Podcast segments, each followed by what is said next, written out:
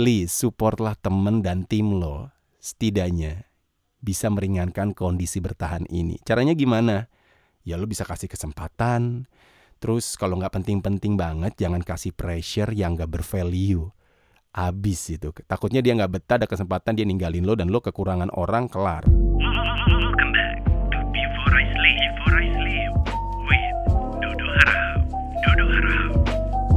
Yes, masuk di episode ketiga Before I Sleep. Thank you untuk lo yang masih mendengarkan dan udah subscribe juga untuk yang di Noise. Thank you juga buat yang udah subscribe. Satu nih gue lihat nih gokil. Di noise tuh jadi ternyata kelihatan ya siapa yang tapi gue nggak gini tapi nggak kelihatan siapa yang subscribe. Tapi kelihatan yang mensubscribe itu ada berapa. Gokil. Thank you untuk yang satu orang mensubscribe lo yang pertama kali. Boleh komen sih kalau yang mensubscribe di kolom komen ini ya gue tunggu. Ya gimana kabarnya? Semoga sehat-sehat selalu. Semoga hidup makin menyenangkan. Gue apa yang gue lakuin ya? Hmm, kemarin. Oh gue tuh kemarin ternyata berhasil menonton film yang udah pernah gue tonton gue tonton ulang karena kebutuhan sebuah project. Gue nonton film Aruna dan lidahnya di Netflix. Ini sih karena emang kebutuhan sebuah project ya. Jadi ternyata ada perbedaan yang gue rasakan ketika film yang udah pernah gue tonton di bioskop terus gue tonton lagi di OTT ternyata tuh ada perbedaan yang sangat besar. Mungkin lo juga merasakan hal yang sama kalau ketika lo nonton di film uh, nonton film di bioskop itu lo merasa bahwa oke okay, lo hanya menikmati audionya, menikmati ketajaman gambarnya, tapi ketika lo nonton di film yang sama ya, terus uh, di rumah di Netflix, kalau gue merasanya adalah kok gue bisa lebih dengan relax menonton, terus bisa gue back forward gue rewind, go forward dan merasa kayak detailnya lebih dapat aja. Tapi itu sih yang gue rasakan ketika gue menonton film Aruna dan Lidahnya. Gue jadi setuju nih sama yang pernah bilang ke gue, lu kalau nonton film dok pertama kali itu adalah lo cuma bisa mendapatkan garis besarnya. Nah untuk kedua kalinya lo nonton, itu lo bisa memahami isi dan detail film tersebut.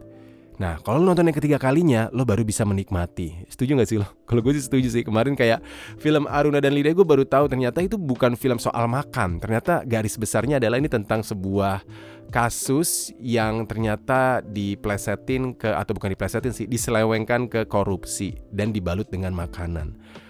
Dan gue baru sadar gitu ternyata ada 21 makanan gitu ya di film Aruna dan Lidahnya yang ternyata itu semua dari Indonesia. Ini yang yang membuat gue harus nonton ini lagi karena uh, project gue akan gue bikin nextnya ini adalah berhubungan dengan makanan. Ya nanti kalau udah rilis gue akan kabarin. Tapi sekarang masih di tahap nulis skripnya aja belum. Jadi kayak emang baru bikin blueprintnya dan ada feedback sedikit harus ada yang dibenerin makanya gue nonton film Aruna dan Lidahnya ternyata memang ya challenge-nya adalah membuat si garis besarnya ini. Jadi um, 2023 ini tuh gue punya kesempatan baru gitu ya, yaitu nulis skill lama yang kembali muncul dan ya ini gue lakuin karena emang ada dua hal sih. Jadi yang pertama tuh gue baru sadar kalau gue tuh nggak merasa kecapean, nggak merasa terlalu berat, nggak merasa terlalu terbebani ketika gue nulis. Nggak tahu apakah ini passion, mungkin atau emang masih baru, gue juga nggak tahu sih. Tapi ini merupakan nulis ini ya, ini hal-hal yang udah gue lakukan lama banget, um, belasan tahun yang lalu. Terus gue pernah coba lagi, terus gue off tuh dari 2013 sampai sekarang, udah 10 tahun berarti ya. Dan gue balik lagi nulis kayak, wow, oke. Okay menyenangkan ternyata. Terus uh, yang kedua adalah ternyata gue sadar. Kalau gue tuh masih ada di level survival mode. Ini sih yang menjadi satu pemikiran gue ketika udah di kasur gitu di kamar lagi rebahan ngeliat ke langit-langit terus survival mode. Mungkin gue bertahan gara-gara ini kali ya. Mungkin gue enjoy ketika nulis gara-gara ini mungkin. Tapi nggak tahu pasti apa sih sebenarnya sih yang menjadi survival mode? Kita bahas ya. Kita bahas langsung aja di episode kali ini survival mode. Before I sleep. Survival mode. Ini adalah kalau gue cek dari Google ya. Apa sih survival mode itu? Jadi berada di situasi untuk bertahan hidup, tapi seperti tidak merasakan hidup. Oke, gue gua nggak ada di level itu. Gue cuma ada di level untuk bertahan hidup, tapi masih bisa merasakan hidup. Momen itu gue udah lewat. Nah, apa sih yang men-trigger gue untuk membahas ini? Mungkin ini juga akan relate sama lo yang sudah masuk ke dunia kerja. Apalagi apalagi buat lo yang part time, di mana lo dituntut untuk bisa aktif, tapi lo tuh nggak punya uh, kesempatannya. Biasanya biasanya tuh lo nggak punya kuota untuk lo ada di situ gitu. Jadi ini yang mau gue ceritain sih. Uh, gue ada di level minggu ini, gue ditegur sama leader gue bukan gue doang. Beberapa teman gue nggak aktif. Jadi kita dibikinin WA group, kita akan online meeting. Terus singkatnya adalah dia membahas bahwa kalian yang tidak punya kesempatan. Jadi ini di dunia mengajar ya. Kalian tidak punya kesempatan untuk mengajar. Harus aktif dong. Tim teach sama kita supaya uh, lo tuh nantinya aktif dan dilihat sama manajemen, lo tidak akan dianulir. Kalau lo dianulir, selama dua kuartal gitu lo nggak ada uh, kontribusi untuk ngajar, lo akan dianulir dan lo harus audisi lagi. Nah kan gue bingung ya, gue kayak berpikir bahwa ya kita sih standby standby aja, kita tetap aktif ikutan development skill, kita tetap aktif kalau ada uh, training gitu kan, sampai pada akhirnya kayak uh, ini mungkin dari konsep pola pikir gue aja kali ya kayak apakah gue harus menyelamatkan dia? Karena dia merasa bahwa kalau kehilangan timnya dia kelar karena dia nggak bakal ada yang bisa nge-backup. Karena kalau kita harus dikeluarin dan audisi lagi ya syukur-syukur kalau misalnya mau audisi lagi kalau enggak gitu kan itu akan mempersulit kinerja dia.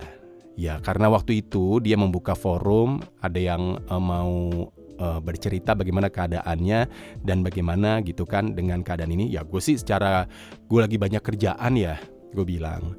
Uh, gue saat ini lagi ada di bukan gue sih kita lah semuanya lagi ada dalam mode survival mode bertahan survival mode uh, untuk hal-hal yang masih bisa di uh, tidak dikerjakan kita akan fokus ke yang lain. Karena kita nggak mungkin dong. Mungkin lo juga setuju kita nggak mungkin loyal untuk satu titik yang tidak ada penghasilannya. Is it? Ya kan?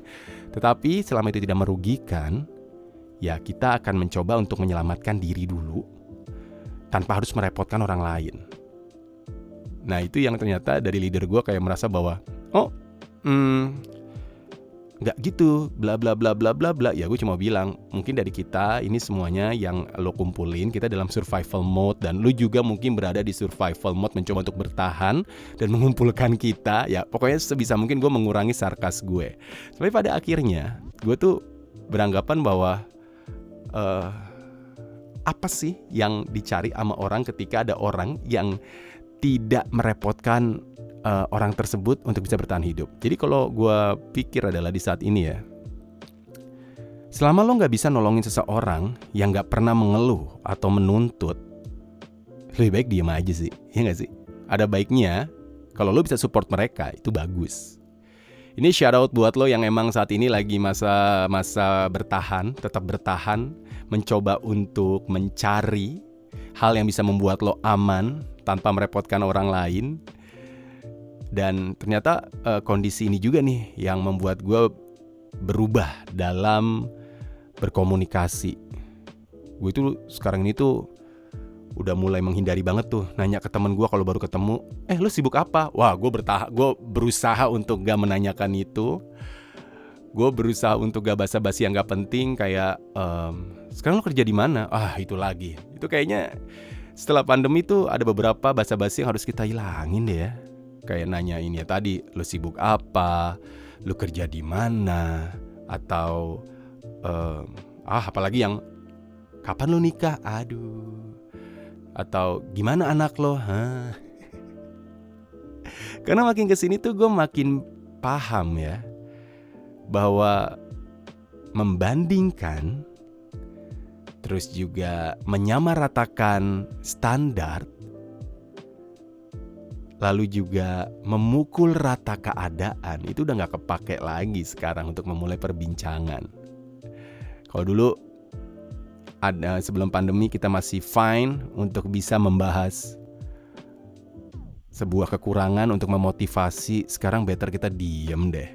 Kalau emang itu nggak bisa merubah atau membantu lawan bicara lo, better kita dengerin aja sih. Ini sih yang gue dapat dari um, kelasnya Becky Tumewu ya jadi dia tuh bilang bahwa selama lo tidak diminta untuk berkomentar, lo melihat temen lo lagi susah gitu ya atau lagi nggak bagus moodnya, satu pertanyaan uh, yang ternyata itu adalah sebuah toksik ya, yaitu lo kenapa? Nah itu sebenarnya itu katanya itu nggak penting. Yang paling benar adalah lo cuma cukup nanya gini aja, Are you okay? Lo lagi baik-baik aja. Kalau dia bilang kayak nggak gue nggak baik-baik aja. Jawabannya ternyata ini dikasih sama Bu Becky ya begitu Mewu ya. Oh oke. Okay. semoga ke depannya atau secepatnya kondisi lo semakin membaik dan masalah lo bisa selesai ya. Udah gitu doang. Dan ketika nanti mungkin temen lo akan bercerita iya jadi gini. Nah itu baru deh. Kita bisa mendengarkan tanpa harus mengorek atau kepo gitu ya bahasanya atau pengen tahu banget yang akhirnya membuat si lawan bicara nggak nyaman. Itu sih yang gue rasakan minggu ini ketika ada sebuah forum yang dibuka nggak penting-penting banget dan gue tuh udah nunggu ini nih sebenarnya nih kayak lo harus hati-hati sih. Gini, gue bisa narik kesimpulan ya dari kejadian gue yang ketika kita dikumpulin, dituntut untuk aktif, padahal nggak ada uh, value-nya banget gitu ya. Sorry to say, karena di masa sekarang tuh value yang paling penting adalah yang bisa memberikan impact banget buat buat diri kita gitu kan. Jadi emang harus hati-hati banget sama orang-orang yang diem, yang gak pernah komplain sama lo. Terus orang-orang yang gak pernah sama sekali menuntut apa pun karena tahu kondisinya ini sekarang nih gini nih. Kondisinya sekarang ini kalau buat lo yang udah mulai bekerja dan lo yang mau masuk ruang kerja ya atau mau masuk ke dunia industri kerja. Sekarang tuh kondisinya adalah kita nggak bisa nuntut. Jujur aja kita nggak bisa nuntut ke perusahaan untuk naik gaji karena memang uh, perusahaan itu juga lagi pada survive gitu kita nggak bisa nuntut untuk naikin gaji kita dong. Apalagi kalau biaya operasional di kantor lo lebih besar daripada pendapatan uh, atau income dari sebuah perusahaan. Yang bisa kita lakuin apa? Kalau kata teman gue ya, ini shout out buat teman gue yang pernah DM DM-an. Gue nggak enak sih orangnya introvert, jadi gue nggak berani nyebut namanya. Selama lo bisa memberikan kontribusi yang ada, itu nantinya akan menjadi review apakah ini karyawan akan akan dipertahankan atau di-cut aja. Jadi memang kontribusi itu penting banget dan yang kedua kalau lo emang bekerjanya melalui kuota, ya lo ambil lemburan, lo ambil uh, tambahan melalui uh, ya biasanya ada tuh kalau weekend weekend tuh kalau buat lo yang di agency atau apa pun itu ya kalau ada ya nah lo ambil itu tuh. Kuotanya tuh ngambilnya adalah sekarang tuh quantity bukan kualitas. Karena itu yang bisa menambahkan menambah uh, pemasukan lo. Jadi untuk minta nuntut naik gaji nuntut apa pun kalau lo emang punya tim dan anak itu diem Nah itu tuh lo harus hati-hati tuh. Karena itu anak tuh bisa aja Dia nggak mau ngerepotin lo Tapi dia mencari solusinya sendiri Dengan cara melakukan survival mode dia di mode bertahan, dia mencoba untuk bisa bertahan hidupnya, bagaimana dia bisa tetap bayar ini itu, punya transport buat ke kantor, tapi ketika dia tahu kondisinya lagi nggak baik-baik aja di perusahaan, dia mencoba untuk mencari solusi sendiri. Nah itu jangan dirusuhin tuh, jangan di uh, senggol-senggol deh, lo rawat baik-baik deh, karena bisa aja nantinya orang-orang yang kayak gitu tuh yang diem punya solusi sendiri tapi tetap loyal sama perusahaannya yang ternyata akan menyelamatkan posisi lo. Before I sleep.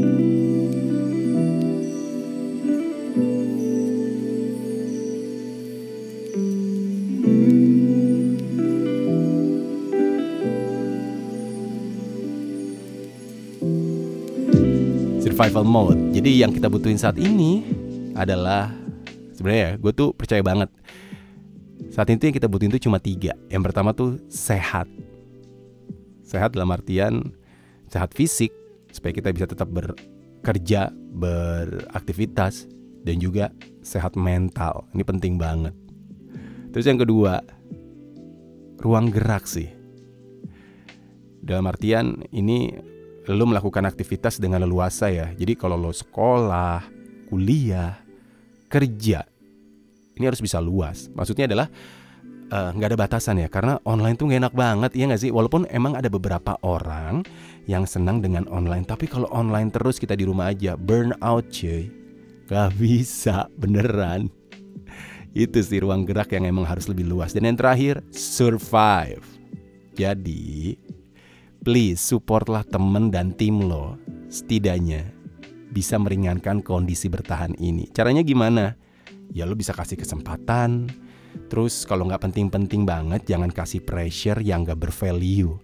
Abis itu. Takutnya dia nggak betah ada kesempatan dia ninggalin lo dan lo kekurangan orang kelar. Lo juga akan menjadi uh, pusing juga di pekerjaan lo. Gitu. So ya, yeah, semoga ya episode kali ini survival mode bisa menemani lo untuk beristirahat, menuju tidur atau juga baru selesai uh, beraktivitas bisa lebih ada teman ngobrol lagi ya. Jadi yang bisa gue tarik kesimpulan dari episode kali ini adalah kalau lo nggak bisa nolongin seseorang yang nggak pernah mengeluh atau menuntut, lebih baik lo diem aja. Ada baiknya lo support mereka dan itu bagus banget. Thank you banget ya buat lo yang sudah mendengarkan episode Before I Sleep yang ketiga ini. Kita ketemu lagi di episode selanjutnya. Dan jangan lupa lo boleh banget untuk follow Instagram gue di @dodoharahap dan juga follow Instagram Before I Sleep di @podcast B4i Sleep in English. Jadi podcast B4 I Sleep.